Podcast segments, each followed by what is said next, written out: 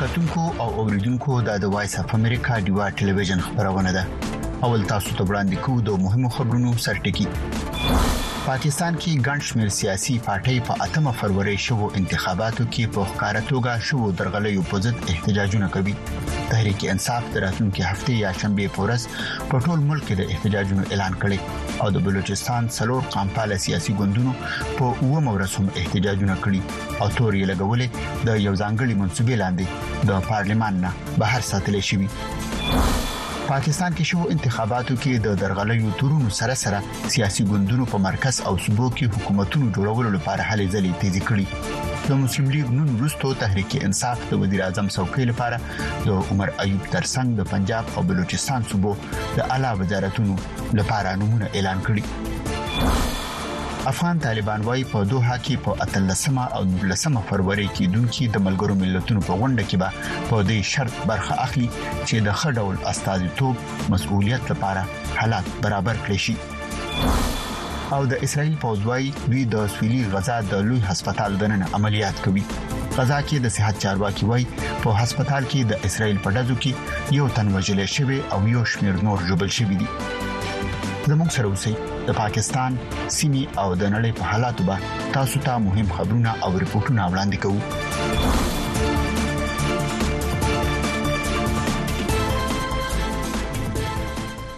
کتونکو اوریدونکو ستړي مشه ته وایو یو ځل بیا دا د وایس اف امریکا دیوا د ټلویزیون خبرونه ده خپل اولنی ریپورت اړه راځو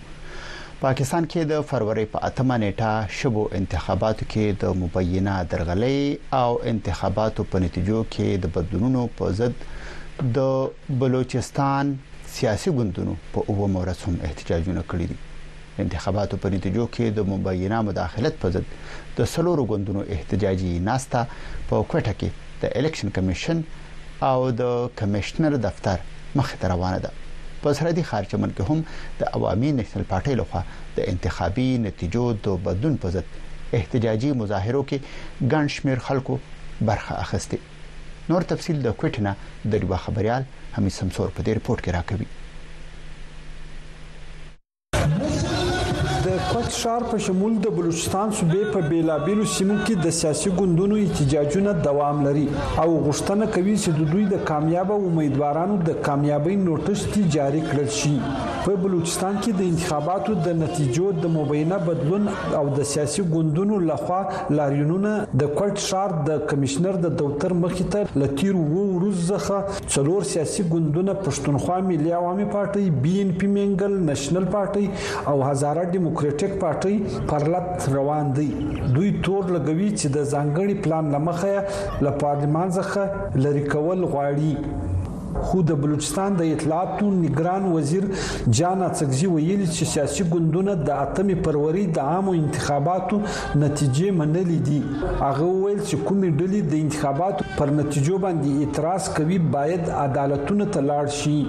مشپه کې د دې نتایج بدل کړل سو او دا سټان د کروڑونو روپۍ په یوس کې وهغه خلکو ته ورکړل سو چې هغه نه الیکشن کمپاین کړي او نه الیکشن مهم ترغلی او هغه سرمایه درلوده دولت درلود او دا ټول د دې صوبې کوم مقتدر قوتونه دي د دې ملک مقتدر قوتونه دي هغه دا فیصله کړې و لطفال ګوندونه له سیاست د ډګره وباسو د اسمبلۍ یې وباسو دوی په ولس کې بې حیثیته کو چیف جسټس قاضي په احساس صاحب سره چې هغه د دې درغلیو از خود نوټس واخلي. خو بل لور ته بیا هلته په حب کې د انتخابي نتیجو د بیا شمېرنې پر مهال باندې د نښتې له سوبه ځخه د دوو کسانو د وژنې وروسته حکومت اوس هلته د اساسي قانون یو سل څلور څلوېښتمه ماده فعال کړې ده خو د دې باوجود نه یوازې د صوبې په لرو پرتو سیمو کې بلکې د کوټې د صوبایي الیکشن کمشنر د توتر مخې ته هم احتجاجونه روان دي دا رنګه په 251 د قومي اسمبلی سیټ دی د جو خوشحال خان کاکړ د 45م نمبر فارم چار پریزایډینګ افسر پولینګ ایجنټ ته ورکړي هغه مطابق موږ دا سیټ ګټلې دی د خوشحال خان کاکړ چې د کامیابی اعلان مو سو نوټیفیکیشن جاري سو هغه يې بيرته په شکست بدل کئ صرف دو نوي ووټونه نو ازي خبره دا ده چي دا نتايج موږ په يو صورت کي نه منو. سياسي ګوندونه له چيف اليکشن کميشنر څخه د خپل منصبه د استعفا غوښتنه هم کوي. ته وګوره که هلته قومي اسمبلي کې چې نشست دی کوي چې ګوادر غه هلته زموږ پارټي سربراه ډاکټر مالک بلوچ ګټلی وو هغه چې هغه منډیټ هم بیا کلای کې او رلتم زموږ پارټي په درنه کې ناشته احتجاجي ریلی کې ناشته دغه اکدو تحریک والا هم خپل خاصه دیم ناشته او چار جماعتي اتحاد ملته گوادر کې ناشته تربت کې زموږ کېب لګیدل د ریلی د تربت کې د دغه پنځګور کې مسته بارکان کې است د بلوچستان د اطلاعاتو نگران وزیر جان اڅکزي ویلي چې د بلوچستان خلکو د فروري پر اتمه په عامه انتخاباتو کې بیلابیلو سیاسي ګوندونو ته مینډیټ ورکړی دی د په خبري کانفرنس کې وویل چې سیاسي ګوندونه باید د ټاکنو د نتیجو په اړه د وضعیت په جدت پوه شي هغه سیاسي ګوندونه چې اعتراضونه څرګندوي باید عدالت او نورو اړوند ادارو ته درخواستونه ورکړي د د په خبره چې ملتپاله سیاسي ګوندونه د فروري د اتمې په ټاکنو کې د پام وړ بریا ترلاسه نه کړله د دوی کاندیدان چې د نتیجې په اړه تحفظات لري عدالت لدی ولاړ شي حمید سمسور وی وی ډیوا کوټه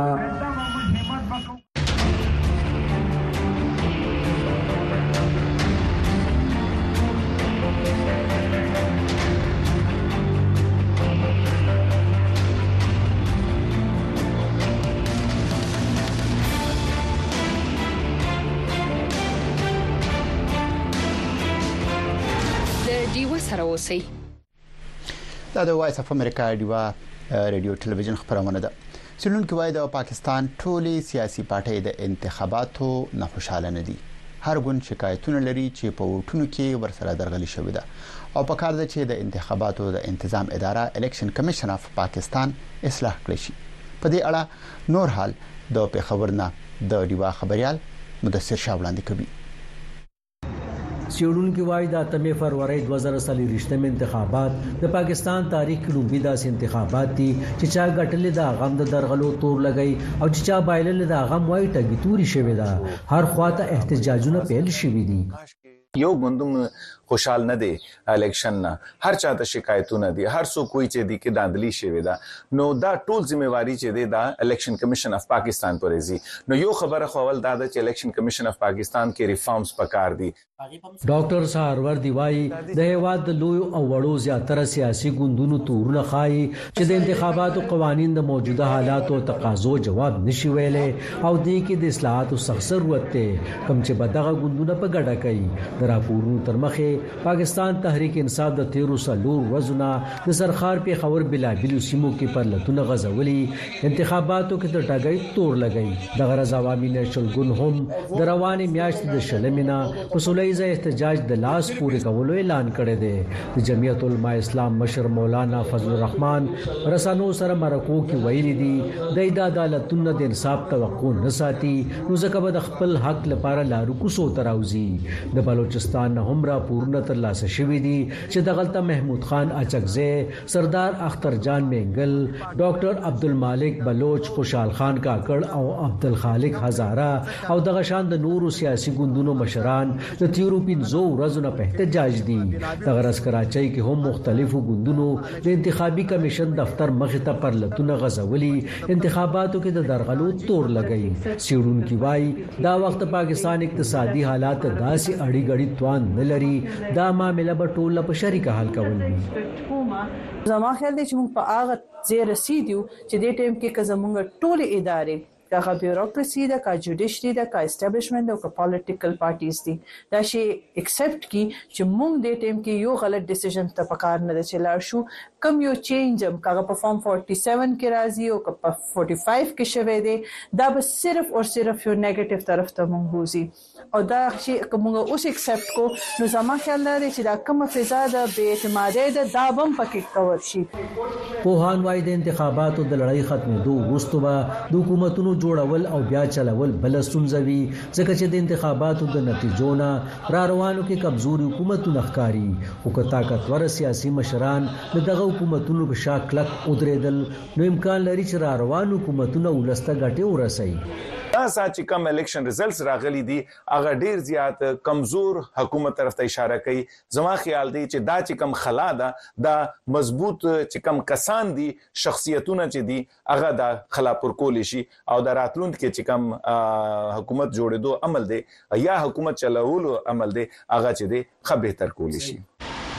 ډاکټر سهروردي وايي، نورې دنیا سره د مضبوطو سیاسي، اقتصادي او دفاعي اړیکو لپاره ضروري ده چې ملک دننه مضبوط جمهوري او قانوني حکومتونه وي، ګینې نو د انتشار صورت کې په نورې دنیا څه اثر نه وي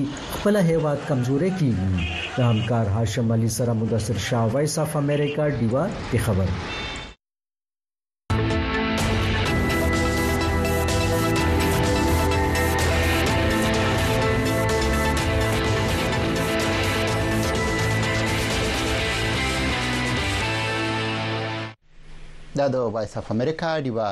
ټلویزیون خبرونه ده پاکستان کې د سیاسي ګوندونو لخوا په مرکز او صوبو کې د حکومتونو جوړولو لپاره هلې ځلې روان دي اخوا د امریکای او یورپی اتحاد په شمول د مغربي ملکونو لخوا پاکستان کې شوو انتخاباتو کې په ښکاره توګه د مداخلت او د تحریک انصاف سیاسي فعالینو او مشرانو په نیولو د اندېښنو او د پلټنو غوښتنې ته په جواب کې د پاکستان خارجه دفتر ویلي انتخابي عمل د ملک دننه معامله ده او دوی خپل آئینی ذمہ واری پوره کوي نور حال د اسلام آباد نه د ریوا خبریاله رابعه پیر په دې رپورټ کې راکوي د پاکستان د تازه عامو انتخاباتو په شفافیت نه یوازې د ملک د ننه تشویش موجود دی بلکې په نړیواله کچه هم دغه ووټونه لانجمن بلل کیږي امریکې غوښتنه کړې چې د دوه زره څلورویشت په انتخاباتو کې د مبینه درغلیو تحقیقات دې وکړي. د امریکا د دغه بیان په عکس العمل کې د پاکستان د خارجه وزارت ویاندې ممتاز زهرا بلوچ ویلي، د ټاکنو په اړه د څارونکو له خوا ډېرې څرګندونې د حقیقت په اساس نه دي. انتخابات د پاکستان د کورنۍ خپلواکۍ معامله ده، په ملیونو پاکستانیانو خپل ووټ اچولی، پاکستان د بهرني هیوادونو د نصیحتونو لاندې نه بلکې خپل د آئین تر مخه خپله ذمه واري په بشپړه توګه تر سره کوي.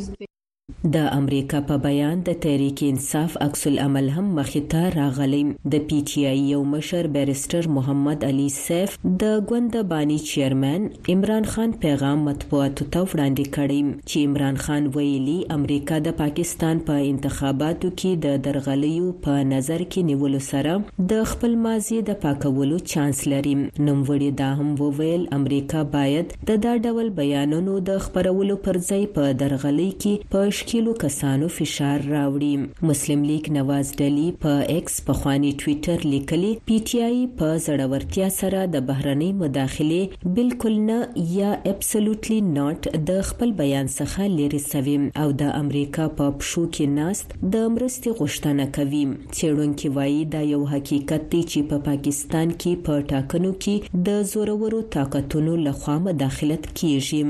د خلکو دا یقین پخیږي چې په پاکستان کې زورور خلک دي او هغوی الیکشن په زوره ګټي. دا کله یو اړخ ته وي کله بل اړخ ته وي. د دوی کله د یو اړخ ملاتړ کوي کله د بل اړخ ملاتړ کوي. د دې اثر به دا وي په پاکستان باندې په راتلونکي وخت کې چې نو پاکستان کې به د جمهوریت هغه بنیاد چې کوم دی هغه به ورسره خرابیدل شروع شي. په انتخاباتو کې د مبینه درغلیو تورونه د پاکستان تحریک انصاف نه علاوه جمعیت علماء اسلام، فضل الرحمان ډلې، جماعت اسلامي، ګراین ډیموکراټیک الاینس او په بلوچستان کې ملتپاله ګوندونو هم لګولي او په دې اړه په هېواد کې دننه احتجاجونه دوام لري. تر اوسه پورې څونه الکشنونه هم شوي دي نو هغه ټولو باره کې بهرحال د خلکو شکایتونه وي او کوم ګوندونه چې وبایلي نو د هغوي د طرف نه خامخا شکایتونه وي. په پاکستان کې چې دا الکشنونه مسلسل وشي نو کیدی شي چې بیا داسې یو وخت راشي چې بیا په هغوي کې دا شکایتونه دونه حده پورې نه وي. په دغه ټاکنو کې د تحریک انصاف حمایت یافته امیدوارانو تر ټولو زیاتي چوکۍ ترلاسه کړي، خو د سیاسي ګوند په توګه پاکستان مسلم لیګ نون، پیپلز پارټۍ، مسلم لیګ کاف او نورو ګوندونو په مرکز کښې د اتحادي حکومت جوړولو اعلان کړی دی. رابعه پیر، وائس آف امریکا، ډیوه، اسلام آباد.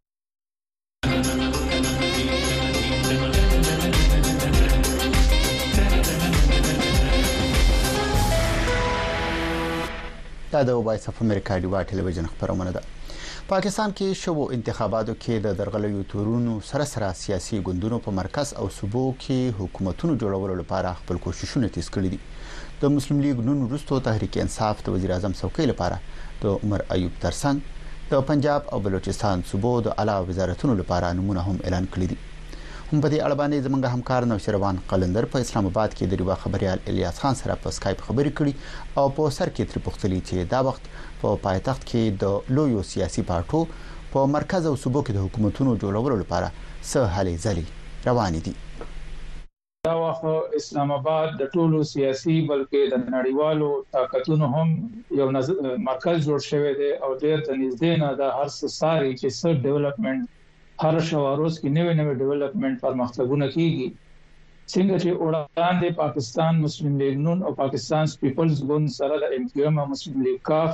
د وزارت عظما یا وزیر اعظم لپاره د شهباز شریف باندې سلا شوې دي دغه رنګ نن چې په دې ټاکنو کې تر ټولو زیاتې چوکۍ ګټلې دي ازاد امیدوارانو په توګه یعنی پاکستان تحریک انصاف د هغوی مشر عمران خان نن د هری پور نه د قومي اسمبلۍ غړی او د پي ټي آی جنرل سیکرټري عمر ایوب خان نوم د وزارت عظما لپاره ورکړی دی دا خبره د ګوند سینیر مشر بیرسټر ګوهر علي خان نن په اډیالا بندیخانه کې د عمران خان سره د ملاقات نه وروسته خبریالانو ته کړې ده او د ګوهرعلي خان دا وینا وه چې د عمر ایوب خان د وزیراعظمۍ سره سره د پنجاب اعلی وزیر لپاره یې د میا اقبال، میا اسلم اقبال، نوم وړاندې کړی دی، عمران خان صاحب او دغه رنګ د بلوچستان اعلی وزارت لپاره زموږ امیدوار به سالار خان وي او دغه رنګ د خیبر پښتونخوا چې کوم سپیکر دی دای ظاهره ده چې وزیر اعلی وړاندې نه نومول شوی د مین ګنډاپور سپیکر د پاره د اسد قیصر رور عاقب الله نوم عمران خان وړاندې کړی دی نو دغه رنګ دغه هلې ځلې روانې دي او د دغه هم داوا و چې مونږه تقریبا یو سل اتیا چوکۍ په مرکز کې ګټلې دي او مونږ به صرف دوباره دوی دا تکرار کا چې آیا تاسو رابطې شوې دي د پیپلز ګوند سره یا د نورو سره دوی دا وایي چې مونږه مسلم لیګ نون یا مسلم پاکستان پیپلز ګوند سره بالکل نشو تلای پاور شیرینګ مونږ به د غټو ګوندونو سره نه غواړو او نه کوو او د دې په نسبت مونږ اپوزیشن بنچونو باندې بکینو خو د دغه ویناوه چې کومه دغه اوټونو دوباره د دې شمیرې روان دي یا دغه قضیه روان دي الیکشن کمیشن کې یا ټریبیونلز کې نو د ده د هیله وه چې مونږ به زیاتې چوکۍ ترلاسه کوو او عمر ایوب به وزیر اعظم جوړوي الیاس خان خو دا هم راته وایي چې د تحریک انصاف په پلاویتوب باندې ډیر غړي د قومي سملې لپاره هم منتخب شوی یا پاس شوی دی او ورسره په خیبر پښتونخوا کې هم د په دغه سملو کې چې کوم د تحریک انصاف سره پلیټ فارم نشته یعنی پارټي په پارلیمنت کې نشته او داغي آزاد غړي لګیا دي یو ځای بل ځای جماعتونو پس ګرځوي چې کنه په یو پارټي کې شامل کړي دغه سلسله چرته ورسېده آیا کوم پارټي ور سره رضا شوی کنه په هغې کې خو مختلف قسمه غوسې وي چې را دغه رنګ په خیبر پښتونخوا کې دوی د پی ټی آی پارلیمنټرین سره تماس نیول دی خو دا غي هم نن دغه خبرونه رد کړل شو او دا غوی دغه ویناوه چې هیڅ رقم سره تماس په پی ټی آی سره پارلیمنټرین پر سټک سره نه دی نیول شوی دا غرنګ وړاندې چې جماعت اسلامي سره کوم خبره شوې دا غینه جماعت اسلامي ولا پښاشو او دا غوی دا وینا چې هیڅ قسمه دوی سره مونږه دغه کې شریک نه یو پاور شیرنګ کې نو د خیبر پښتونخوا په حواله سره خو داسې څه قسمه خبر نشته دی البته اته کې بیا قانون پوهان دا وایي چې دوی په یوازې باندې هم حکومت جوړول شي ولې چې دوی سره اکثریت ته باید که دوی دغه چې کم ریزرو سیټ دي زنانه یا د اقلیتونو دغه دوی ته ملاو هم نشي ول چې نور ګوندونو ډیر کم سیټونه دي البته په مرکز کې بیا دوی ته وحدت المسلمین سره مجلس وحدت المسلمین سره د دوی دغه وینا ده چې په مرکز او پنجاب کې به مونږ بیا دوی سره په شریکه دغه حکومت جوړو چې دغه رنګ مونږ ته دغه ریزرو سیټ چې کوم دي دغه هم حاصل شي سره او یاد خان الیکشن کمیشن خو تر اوسه پورې باضابطه نتیجې بنی اعلان کړي سو اطلاع شته کنه دغه مرحله چرته ورسېده جی بالکل ای کې تر دې د الیکشن کمیشن دغه وینا ده چې مونږه ذمہواری دغه د آئینی چې مونږه په کراش مری خلکو ته وړاندې کوو او دغه رنګ کومګه کم دلته کې په بازي خلکو باندې لانجې دي یا مونږه دغه افیشل بجټ ادا ان تر دې دمه اعلان کړی نه دي نو عین دوی ته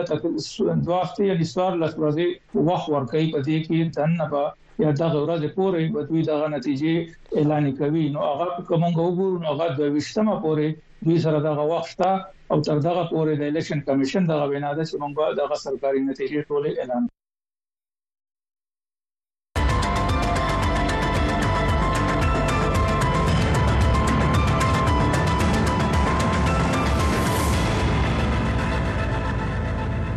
دا د وایس اف امریکا ډیوا ټلویزیون خبرونه ده پاکستان کې مذهبي سیاسي ګوند جماعت اسلامي د پاکستان تحریک انصاف د آزاد امیدوارو په پارټي کې د شاملولو نه انکار کړی دی سړونکو وايي پاکستان تحریک انصاف ته کوم بل لوی سیاسي ګوند کې شاملیدل ګران دي او په خیبر پښتونخوا کې هم د کوم بل ګوند یو ځای کېدل لا تر اوسه امکان نه لري نور حال د سیمې رادیو خبریال ارشد مومن په دې رپورټ کې راکوي. د پاکستان تحریک انصاف سره تعلق لرونکو آزادو امیدوارانو د خیبر پښتونخوا د اسمبلۍ تر ټولو زیاتې چوکۍ ګټلې دي دغه سی بیا د جمعیت علما اسلام مسلم لیګ نون پاکستان پیپلز پارټۍ پاکستان تحریک انصاف پارلیمنټریرین او عوامي نېشنل ګوند نه هم ځینې د صوبه اسمبلۍ غړي منتخب شوي دي خو څېړونکي وایي په صوبه کې د تحریک انصاف د دې ګوندونو سره یو ځای تلل ګران ښکاري اوسه پورې چې موږ تحریک انصاف په کسانو سره چې خبرې کوو هغه واضح جواب نه شي ورکوي وايي چې جي خبرې اترې روان دي اوس به ګورو چې څه کيږي ليکن اوسه پورې کنفيوژن شته که دا به څنګه کيږي. د پاکستان شپږو ګوندونو اتحاديې او تحريک انصاف د وفاقي حکومت د جوړولو اعلانونه کړي دي. د شپږو ګوندونو اتحاديې وزيراعظم دپاره د پاکستان مسلم ليګ نون شهباز شريف او پاکستان تحريک انصاف د عمر ايوب نومونه اعلان کړي دي. د پاکستان تحریک انصاف د آزادو غړو په وحدت المسلمین ګوند کې د ګډون ویلي او پخوانی سپیکر اسد قیصر ویلي د جمعیت علما اسلام، عوامي نېشنل ګوند، جماعت اسلامي او نورو سیاسي ګوندونو سره رابطې کوي. د پاکستان تحریک انصاف آزادو غړو په خېبر پښتونخوا کې د علي امین ګنډاپور نوم د وزیر الله څوکۍ لپاره وړاندې کړی دی خو څېړونکي وايي تحریک انصاف ګڼي چې د اسټبلشمنټ لخوا ځورول شوي دي. او لا هم د اسټبلیشمنت سره د مصالحت کوم ګامونه نه دي پورته کړي د تحریک انصاف د مرکزی حکومت او اسټبلیشمنت سره مخالفت په دا صوبه د ډیرو مسلو سره مخ کی مالی بحران دی خیبر پختونخوا ته او د وسنه د ډیر وخت نه دی نو چې کله الته په وفاق کې بل حکومت دی دلته بل حکومت دی نو آیا هغه وفاق تخپل عیني حق ورکړي کم چې موږ کتل ډیر وختونو کې تیر وختونو کې هم نه دی ورکړي نو دا یو بل غټ چیلنج دی چې را دا بسنګ دوی ترلاسه کوي او چې بیا کله د دوی پالیسی هم مزاحمتي وي په وفاق باندې جړایي وي نو آیا هغه صورت کې بیا هغه د صوبې د خپل حق ورکړي کنه ورکړي سیړونکو وایي دا لا هم نه ده پډاګه چې په روستو کې د سخت مخالفت روستو وحدت المسلمین ګوند علاوه کوم بل سیاسي ګوند د پاکستان تحریک انصاف سره یو ځای تللو ته تیاریږي او کنه جماعت اسلامي په اول کې د خوخي خودل روستو سمدستي د تحریک انصاف د غړو په ګوند کې د شاملولو نه انکار کړي خو اسد قیصر وایي دوی به ټولو سیاسي ګوندونو سره خبرې کوي. ارشد مومند، وایس اف امریکا، ډیوه، پېښور.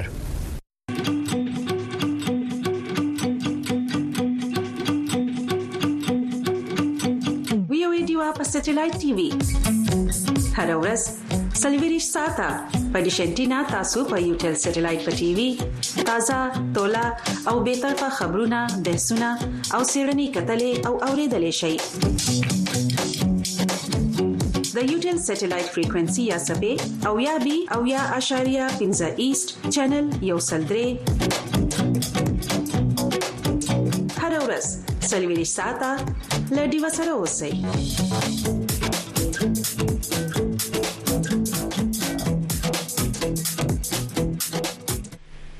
دا د وایس اف امریکا دی وخت پرونی دی د اقتصادي چارو ماهرین وايي پاکستان کې د راتلونکي حکومت لپاره به د بهرني قرضې برتا ستنول د ایم ایف سره د یوې بلې قرضې لوظنامې لاسلیک کولو تر څنګ اقتصادي اصلاحات او د خسارې سره د مخ ځینو سرکاري ادارو شخصي څانګې ته ورکول لوی مشکلات وو. ماهرین وايي د پاکستان د را پرځیدلي اقتصاد په خپو ودرولو د ګرانۍ د مخنیوي لپاره ضروري ده چې پاکستان کې سیاسي استحکام وي. نور حال د اسلام آباد نه د لیوا خبریال ارشد حسین په دې ویډیو رپورټ کې راکوي. د نړیوالې درجه بندې ایجنسۍ موډیز د پاکستان په اړه خپل تازه رپورټ کې ویلي په مجموعي توګه سږکال اپریل میاشت کې د ایم ایف سره د موجوده قرض پروګرام میاد سر ته د رسیدو وروسته د نړیوالې ادارې سره د یو بل قرض پروګرام لپاره په سملاسي توګه د مذاکراتو پیلولو د پاکستان توان په اړه غیر یقیني صورتحال ډیر زیات دی. په رپوټ کې ویلي شوي د پاکستان د حکومت د لیکویډیډټي او د بهرنۍ کمزورۍ خطرې به تر هغې نورې زیاتې وي تر څو چې یو د اعتبار وړ اوږد فاینانسنګ پلان یا مالي تګلاره نه وي واضح کړې شوې. پاکستان کې د کال دوه زره څلویښتم د انتخاباتو وروسته د حکومت جوړولو لپاره هڅې په داسې حال کې روانې دي چې هیواد د دوه کلن سیاسي عدم استحکام او د خراب اقتصادي صورتحال سره مخ دی. د اقتصادي چارو ماهرین وایي، داسې ښکاري چې د مسلم لیګ نون ګوند په مشرۍ کې یو کمزوری اتحادي حکومت جوړېږي چې د هغوی په اند کومه واضحه اقتصادي تګلاره نه لري. بیا به دوی به دوباره آی اېم اېف ته ځي او ځکه چې دوی ته به اوس چې کوم پېمنټس راځي اېکسټرنل بهر ملکونو ته ډالر پېمنټس واپس کوي او سود واپس کوي یا قرض واپس کوي نو دا به ورته نور به دې دې وجه نه به آی ایم ایف نه دوی بل یو پروګرام ډېر ښکار داسې چې بیا به ورته ځي نو که څو پویو چې شهباز شریف راشي او هغه به پاکستان اقتصادي مسایل الله واسي دا بالکل غلط ده تیر زمونږ چې کم دغه دی تجربه دا هغه دغه وایو چې هغه سره ټیم نشته سو سره دغه نشته خدغه سیاست به کوي او مونږ ورته هغه پاپولست پالټکس وایو چې دغه چې ارزان اوړه ورکوم او ارزان دغه ورکوم دا شي نه نو هغه باندې به زیات ډیپنډنټ یو نور هغه سره نه سر ټیم شته دی نه سر حکمت عملی شته دی. د رپوټونو تر مخه په پاکستان کې د ټولې ابادۍ څلوېښت فیصدي خلک د غربت د کرښې لاندې ژوند کوي. د ګرانۍ کچه دېرش فیصدي ته رسېدلې ده او تېره میاشت ترسره شوې یو نظر پوښتنه کې نږدې اویا فیصدي پاکستانیانو ویلي چې مالي حالت یې په خرابېدو دی. کارپوهان راتلونکي حکومت ته په سي پیک کار تېزول، د دوستو هېوادونو څخه سرمایه کاري راوړل، د نړیوال مالیاتي ادارو اعتماد بحالول او د IMF سره په اسانو شرطونو یو بل قرض پروګرام لاسلیک کول او د ګرانۍ راکمول لوی مشکلات بولي. پھر ایف بی آر میں ریفارمز کرنے کی ضرورت ہے، اگلا بجټ. په ایف بی آر کې د اصلاحاتو کولو ضرورت دي او بیا د راروان کلیز بجټ لپاره به یولس سوه اربه روپو مالیه را ټولول وي، په دا وخت ممکن کېدی شي چې اصلاحات راوستل شي او ټېکسونه سېوا کړی شي. که مونږ د ټېکسونو په ذريعه آمدن زيات نه کړی شو نو د حکومتي لګښتونو د پوره کولو لپاره به د توانايۍ نرخونه زياتول وي او چې څنګه د توانايۍ نرخونه سېوا کړی شي نو ورسره به ګراني هم زياته شي او ګراني له مخکې نه د اته ویشت فیصده نه اوړېدلې ده. حکومت له به په لومړي سر کې داسې ګامونه اخیستل وي چې ګراني ورسره راکمه شي او بیا باید چې د سود شرح هم کمه کړې شي او تر څو چې د سود شرح ښکته نه وي راغلې نو په پاکستان کې اقتصادي هلې ځلې نه شي ګړندي کېدی. پاکستان دا وخت د بهرنیو قرضو د بېرته ستنولو د مسلې سره هم مخامخ دی او د پاکستان د سټېټ بانک تر مخه د روان کال تر جون میاشتې پورې به اسلام اباد ته څلېرویشت بلیونه ډالره قرضې بېرته واپس کول وي. د اقتصادي چارو ماهرین وايي، یو داسې سخت وخت کې چې پاکستان ته د ځپلي اقتصاد د بحالۍ ضرورت دی، هېواد نور سیاسي عدم استحکام نه شي برداشت کولی. ارشد حسین، وایس اف امریکا، ډیوه، اسلام اباد.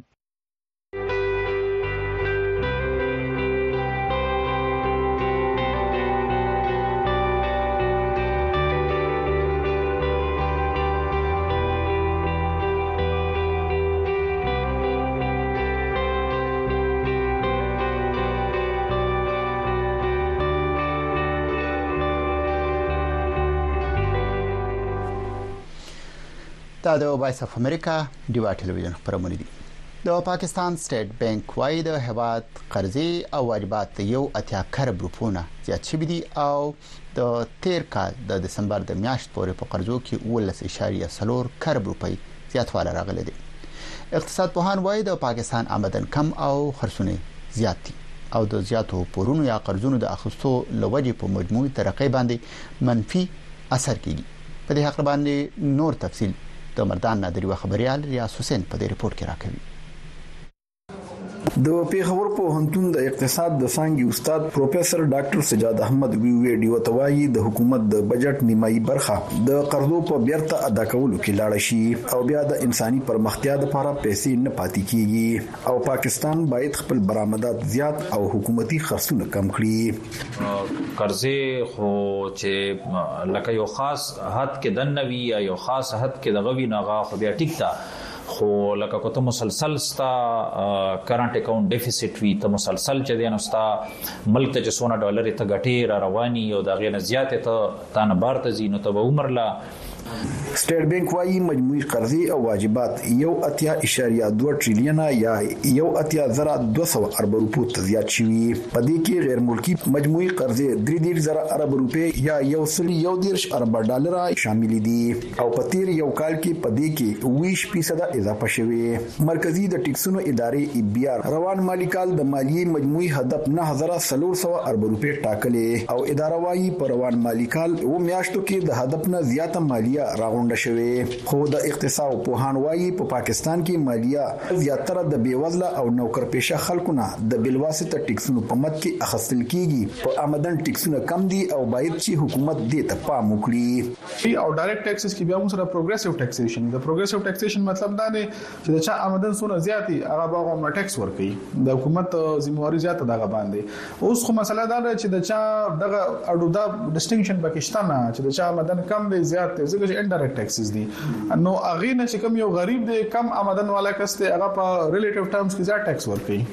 نو زما مطلب مطلب دا دی چې ډایرکټ ټیکسز چې د چا آمدن زیاتې په کار دی غزيات ټیکس ورکړي پوهان امکان څرګندوي چې راتلونکي بجټ کې د مالیې هدف 11000 ارب روپۍ څخه زیات کړی شي او مرکزی حکومت په قامي بجټ کې هم اضافه وکړي د مرکزی بانک د شمیرو مطابق په مالی کال 2022 کې بجټ خساره 15400 ارب روپۍ و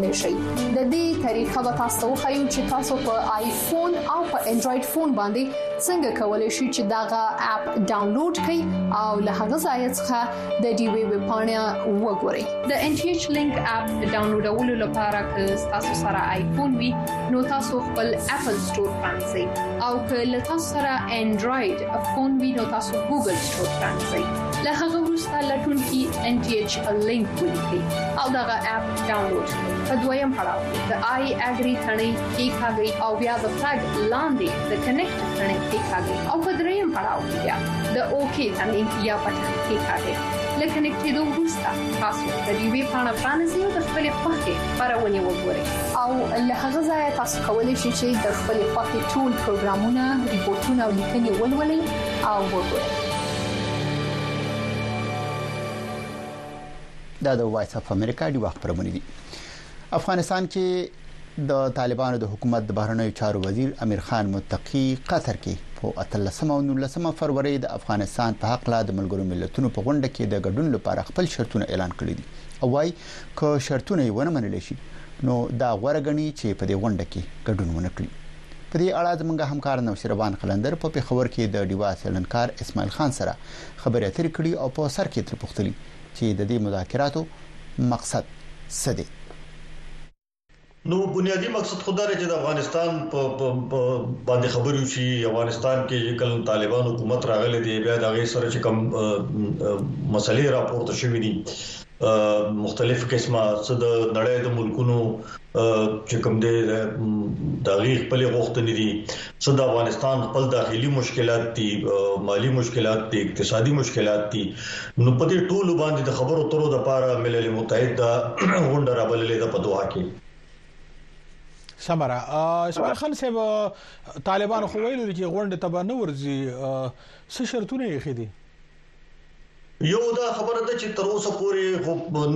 معلومیږي نه چې دې شرایط مخ ته سي خو دي یو دوه دوه خبرې ضرور کوي طالبان او غداري چې نم یو خبردار چې د ملل متحد چې کوم خصوصي استاد دغه ته مغي ته خپل شرایط مخ ته کړی دي خو دا نه دی ویل چې شرایط سي دي بل متقی صاحب په خپل خبرو کې دا خبره هم کړې ده چې دی غواړي چې خبره ترې چې سم کیږي هغه دی معنی خیز دی وی مینینګفل خبره دی کیږي زما خپل خیال دغه دی چې دی افغانستان طالبان غواړي چې د ملل متحد چې کوم دا پلیټ فارم دی دغه دغه کې دا د دې مقصد د پاره استعمال نه شي چې په طالبانو یا طالبانو په حکومت یا د افغانستان په دغه باندې چې کم دینو بې ځایه د دغې په نظر کې چې کم بې ځایه تنقید د صرف داغه د پاره استعمال شي نو او دوی مدار چې طالبانو نمائندګي د حقیقت باندې نو زه فکر کوم چې دا اوس چې کم د خبرې طریقېږي چې مختلفو ان جی اوز یا مختلف داسې ګروپونه ډلې چې د طالبانو خلاف دي هغه خپل یو اعلامیه پر کړی دا نو طالبان به ډیر خوشاله نه په ډیر کمفټیبل بنی چې په دوه په دې کانفرنس کې صرف د دې لپاره په دې موضوع باندې شي چې پاره کې طالبان کارنر کیږي یا طالبان او حکومت باندې نیوکه کیږي نو هغه ته طالبان غالبا تیار نه دي چې په داسې غونډه کې کیږي زه به اخرنه پښتنه دا چې دا خبرونه چې په دې کلم زموږ کتون کې خبر کې چې چین په رسمي توګه باندې د طالبانو سفیر چې کم دی هغه منل دي ک چین داغي سفیر منی او خو امریکا یا غربي نړۍ یا نور نور نړۍ تر اوسه پورې د طالبانو نسوک سفیر پر رسمیت پیژندل دي نه حکومت منی دا کداغه ځکه دا سلسله شروع کیږي چې هر نړۍ غربي نړۍ نه مني او چین یا کو سبا چرته روسیا ایران مني دا سيزونه په دغه خطه کې په دغه ټوله منطقه کې سم مستقبل جوړوي یو خبر زما خپل خیال دا دی چې کتا سو د چین د خارجي چارو د سفارت چې کوم بیان دا بیان لستلی وی نو پاره کې واضح تور په توګه باندې دې اړخ ته اشاره ده چې په د افغانستان د د اسلامي امارت یا طالبانو چې کوم سفیر دی د هغه سفارتي اسناد قبولول دا معنا نه لري چې په چین پر رسمیت باندې د افغانستان د حکومت طالبانو د حکومت پر رسمیت پیژندلو نو دې کې یو خصوصي داغي په بیان نه دغه معلومیږي چې چین ډیر زیات محتاط طریقې سره د غواړي چې دغه مسله دغه کی او دوی مګټه خبره دغه ده چې چین هم لکه هغه چې څنګه دی زیات چین باره کې ویل کیږي چې عمل پسند خلک دي پراګماټیک چې څنګه خلک ورته ویل کیږي د انګریزي په اصطلاح کې نو دا غي نه کار غست دي او د چین سفیر په افغانستان کې دی او د افغانستان سفیر د طالبانو په چین کې دی او دا رنګ نور ملکونو مرسره سفارتونو سفارتي د غشت دي او سفارتي اړیکې ساتل او تجارتي اړیکې ساتل په رسمي باندې دغه پیژندل دوه مختلف سيزونه زما خیال چې دې کې دغه ستاسو نشته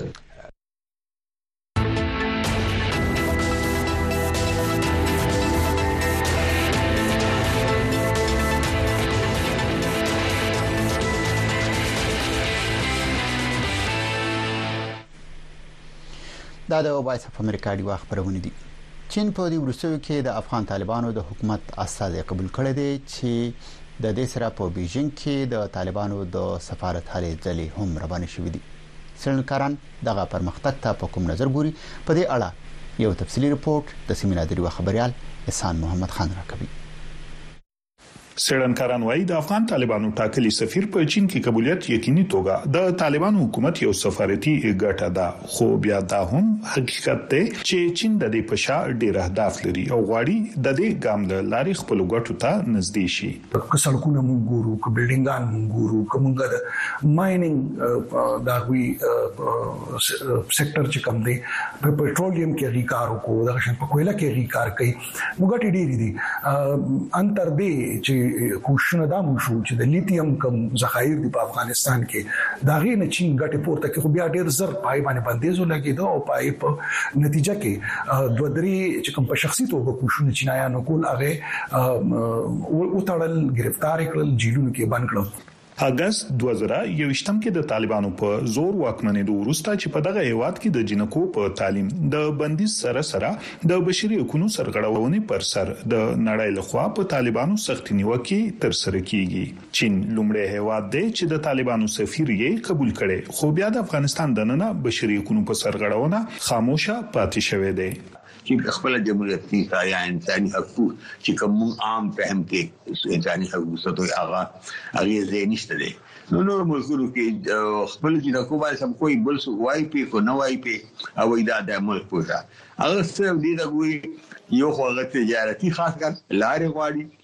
د دنیا تل بلاوی هغه طالبان ورکړي کو بل څوک ورکړي کو بل څوک ورکړي بل ډیپلوماټیکلی غواړي چې ما زیاتو نفوس نه هغه ګټه د ګوري چین چې د خپل اقتصادي ګټو لپاره یو کمربند یو سړک منسوبې له لارې منځنۍ اسیا او نور هیوادونو ته رسد غواړي او همزکه د طالبانو سره خپلې اړیکې ښې ساتل یې ترجیح ګرځولې، خو فخر کاکاخیل وايي، بیا داعش او خپله د چین سینکیانګ مسلمانانو وسلهوالې ډلې ورته یو چیلنج هم پروت دی.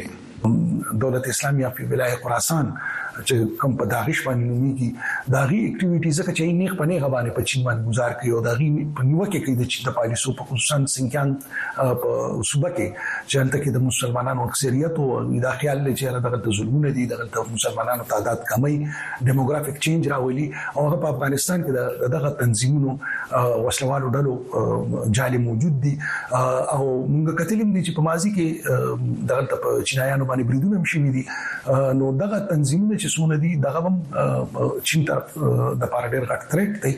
څېړنکاران وايي، چین د افغانستان سفارت پرانستلو اجازه خو ورکړې، ولې لا هم د طالبانو حکومت یې په رسمیت نه دی پېژندلی. احسان محمد خان، وایس اف امریکا، ډیوه، پېښور. زما دا پوخ یقین و چې په ازادۍ او مرګ کې به ځان ته یوه لار خوښوم. ماته پته وه چې که زه ځان د یو نه بیلوم نو بله به.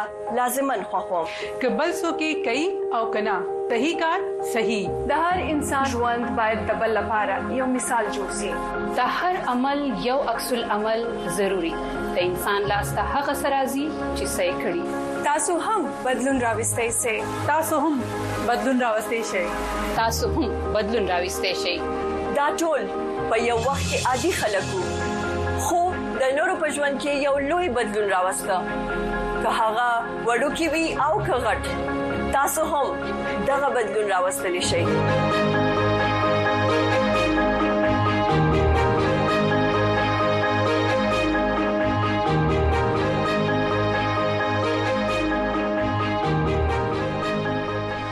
دا د وایس اف امریکا ډیوا خبرونه دي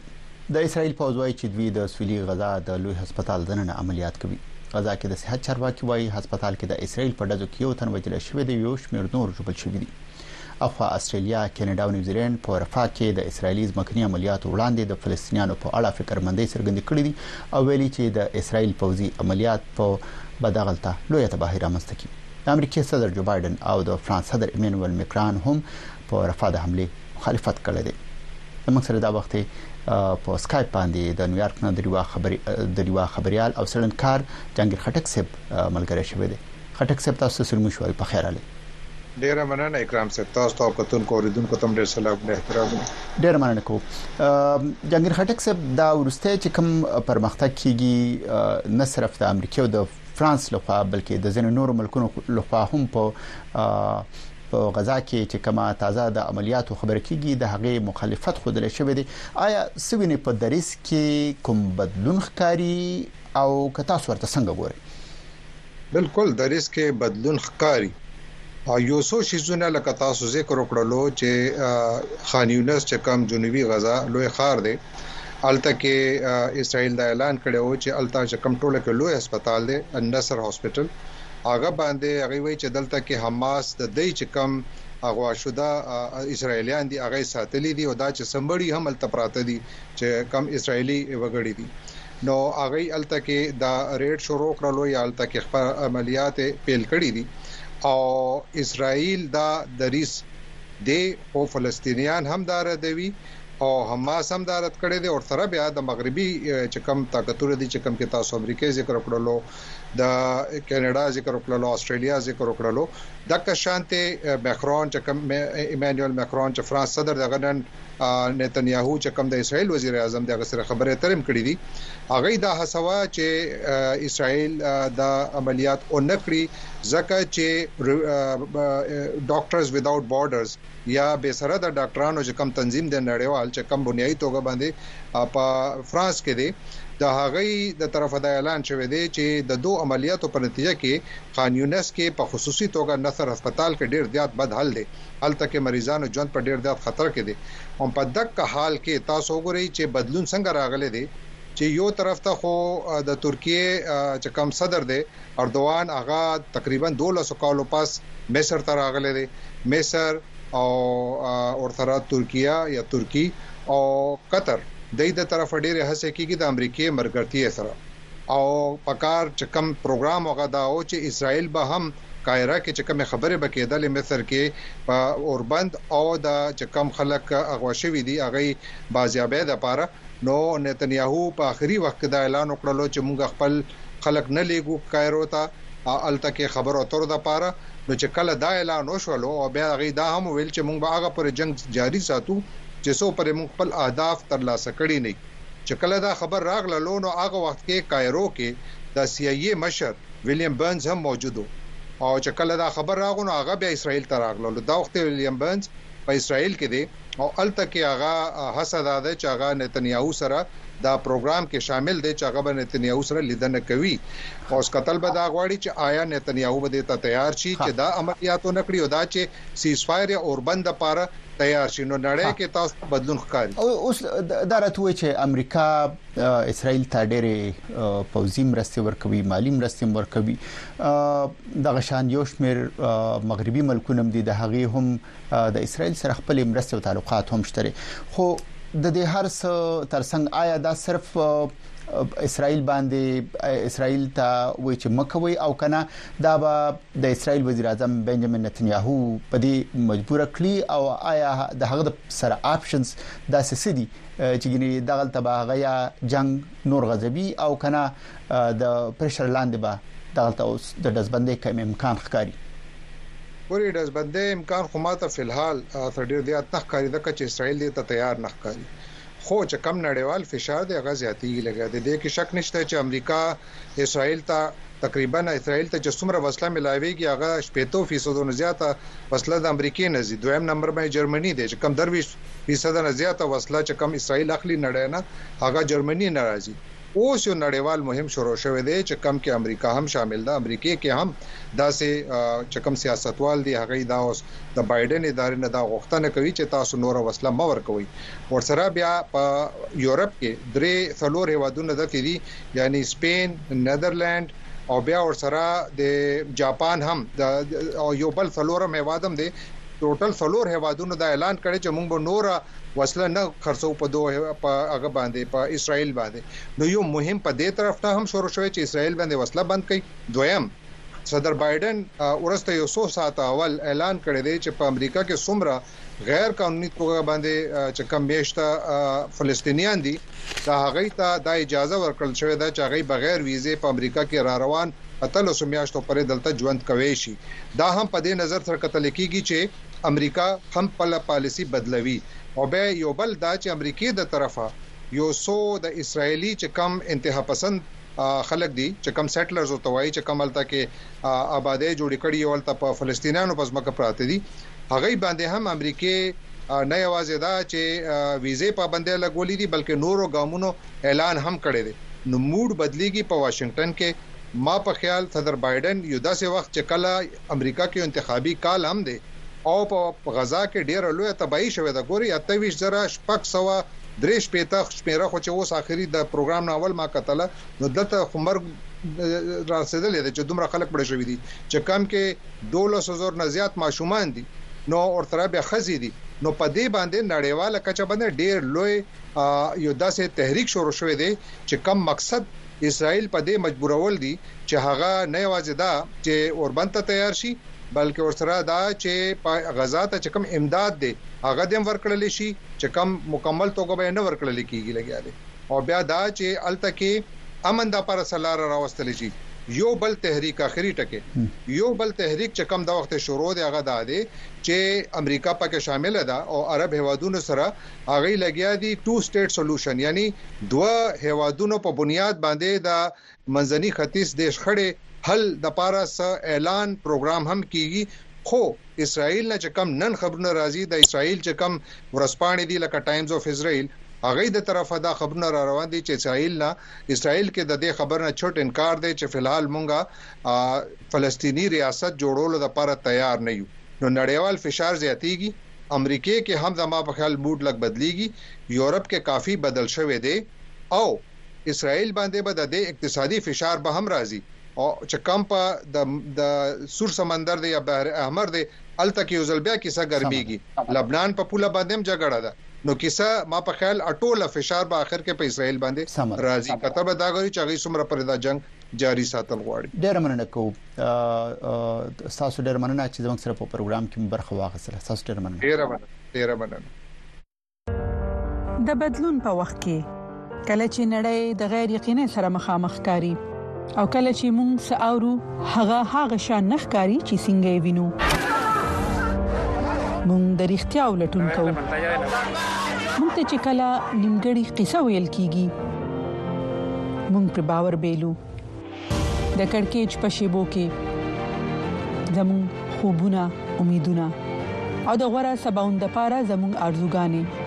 آزادې میډیا ته اړتیا لري په وایس اف امریکا کې مونږ تاسو ته داسې خبرونه راوړو چې د قتل لپاره خلک د خطر سره مخامخ کوي، موږ نړۍ سره یو ځای کوو او رښتیا سره یې پیوست کوو. په وایس اف امریکا کې موږ تاسو ته پوره عکس درښایو. دا د وایس اف امریکا ډیوه خبرونه دي. د امن نوبل انعام ګټونکي ملالا یوسفزۍ د سوات د جنکو اولنی کرکټ ټیم لپاره د لوبې سامانونه ورلېږلي دي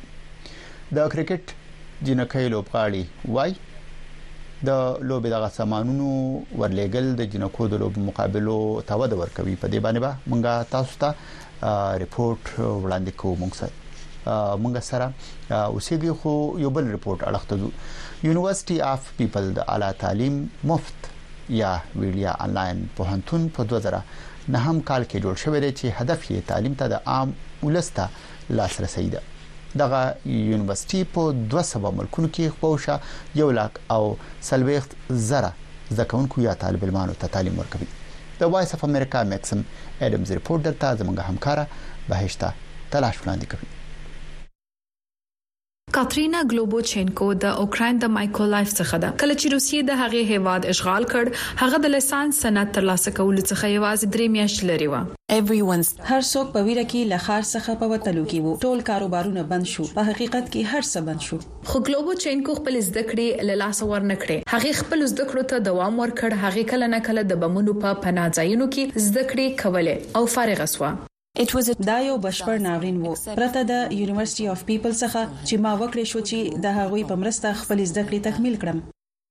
د خلکو پوهنتون یا هم یونیورسټي آف پیپلز ځان ته د امریکا له خوا منل سوې یوه یونیورسټي یا هم پوهنتون دی، چې د غیر انتفاعي انلاین پوهنتون په توګه وړیا زده کړې ورکوي. په هر صورت، پوهنتون په بشپړه توګه وړیا نه دی. زده کوونکي باید د هر ټولګي لپاره د یو سلو څلوېښت او څلور سوه ډالرو ترمنځ، فیس ورکړې. زده کوونکي د لیسانس سند ترلاسه کولو لپاره شاوخوا پنځه زره ډالر مصرف کوي. د ماسټرۍ سند ترلاسه کولو مصرف د لیسانس په پرته لا یو څه کم دی. سربیره پر دې، پوهنتون د هغو خلکو لپاره د بورسونو سیستم هم جوړ کړی چې نسي کولای دا مقدار پیسې ورکړي. د بست کالج ډاټ کام په وینا، په دوه زره دوه ویشتم کې په امریکا کې د څلور کلن عامه پوهنتون کې د زده کړې او فیسونو اوسط لګښت په کال کې شاوخوا نه زره شپږ سوه ډالر وو.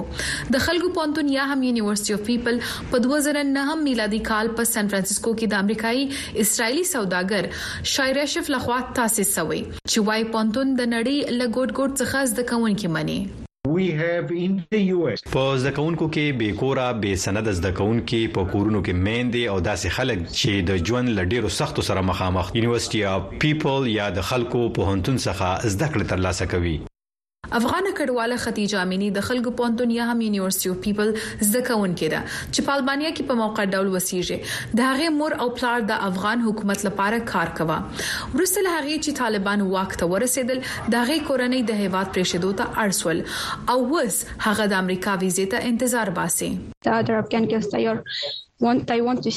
افغان نجونې غواړي چې زده کړې وکړي په رضاکارانه ډول د کور څخه په انلاین ډول، زه اوس دوی سره په زده کړو کې مرسته کوم. نن ورځ د دوه سوه هېوادونو څخه شاوخوا یو لک دېرش زره زده کوونکي د خلکو پوهنتون یا هم یونیورسټي اف پیپل کې زده کړې کوي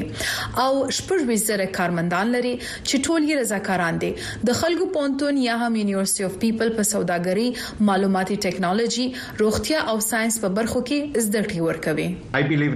زه باور لرم چې زدهکړه یو اساسي حق دی او په نړۍ کې هر سړی باید مستحق وي. فرصت برابرول دا هغه څه دي چې موږ یې کوو. موږ د لوړو زدهکړو یو بېلګه رامینځته کوو تر څو وښایو چې لوړې زدهکړې د ټولو لپاره د لاسرسي وړ او ارزانه دي. د خلکو پوهنتون یا هم یونیورسټي اف پیپل د نړۍ د لوړو زده کړو یو شمېر مخکښو موسسو سره کار کوي. دا د غیر انتفاعي موسسو لکه بل او میلینډا ګېټس فاونډېشن، د ګوګل او انټېل په څېر شرکتونو څخه ملاتړ او مرستې هم ترلاسه کوي. بهشته تلاش، وي او ای ډیوه، واشنګټن ډي سي. پاکستان کې د 2020م سیلابونو د خیبر پښتونخوا په سواد کې د ټراوټ میانو فارمونو ته ډیر نقصان رسولې د فارمونو بیا رغبنه لپاره میان پالون کې تمل لري چې نوې حکومت په مرسته وکړي نور حال د سیمینار د ریوا خبريال ملک وقاص په دې رپورت کې راکوي په سوات کې د سیلګرۍ د ودې لپاره د ټراوټ فش فارمونه مهم دي، چې په زرګونو خلکو ته د روزګار ضمیمه برابروي. هغه سیلانیانو لپاره چې د ټراوټ مهې خوړلو شوق لري، میان ساتونکي بیلابیل نور قسمونه ټراوټ راوړي دي. او موږ سره نن سبا چې دی څلور پنځه قسمه ټراوټ دي مخکې تاسو ته پته و چې ټراوټ یو ټراوټ د غیر نوم ریمبو موږ د هغه نه بعد بیا براون راغوښته او وسره سره ګولډن دی دا غینه بعد د غرا سره دی دا سپارټیک وته وي او ایتالین براون دی او یو بل قسم دی نو څه پنځه شپږ کسه مونږ راغوښتي دي او د دې نه مونږ دا به د ټول سېکټر کې بیا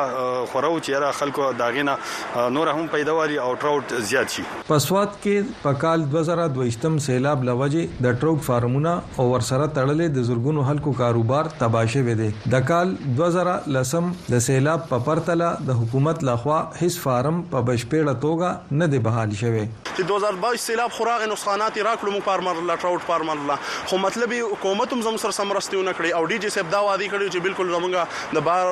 پراجیکټونو سره خبرې شوې دي او دغه سره شوې دي چې بالکل هغه راځي او مطلب یې موږ به مرسته کوو خو د نن ورځې پورې هیڅ مرسته زموږ سره ونه شو کړای. د سیلاب که یو خوا د ټراوټ مهي فارمونه له منځه وړي نو دي سره په سوات کې سېلګرۍ هم کمه شوې ده. دلته زيات سيلانيان د ټروټ مهي خوړلو لپاره هم راځي. د فارمونو مالکان وايي، نوي حکومت ته په کار ده چې سياحت د زياتولو لپاره ورسره د فارمونو په بيا ابادولو کې مرستې وکړي. خو مېلمه هم دونه خاص نه شته، ځکه چې اغزونه او هر څه چې دي هغه کاڼ پروت دی، لا واپس نه دي بحال شوي. نو نوي حکومت نه زموږ دا مطالبه ده چې خامخا د دې ټروټ په پرايويټ ټروټ فش فارم سره، هم امدادو کی او په ګورنمنټ سیکټر کی هم لک ډیر کار وکی چی واپس دا بحالی وشی او د زرګاو او لکاو خلکو روزګار واپس بحال شی. د ټراوټ ماهی کاروباریان وایی ټراوټ ماهی سره یی نه یوازی روزګار تړلی دی بلکی دا د سیلګری زیاتولو لپاره هم اهمیت لری او حکومت باید دی اړخ ته پام لرنه وکړی ملک وقاص وایس اف امریکا ډیوه سوات.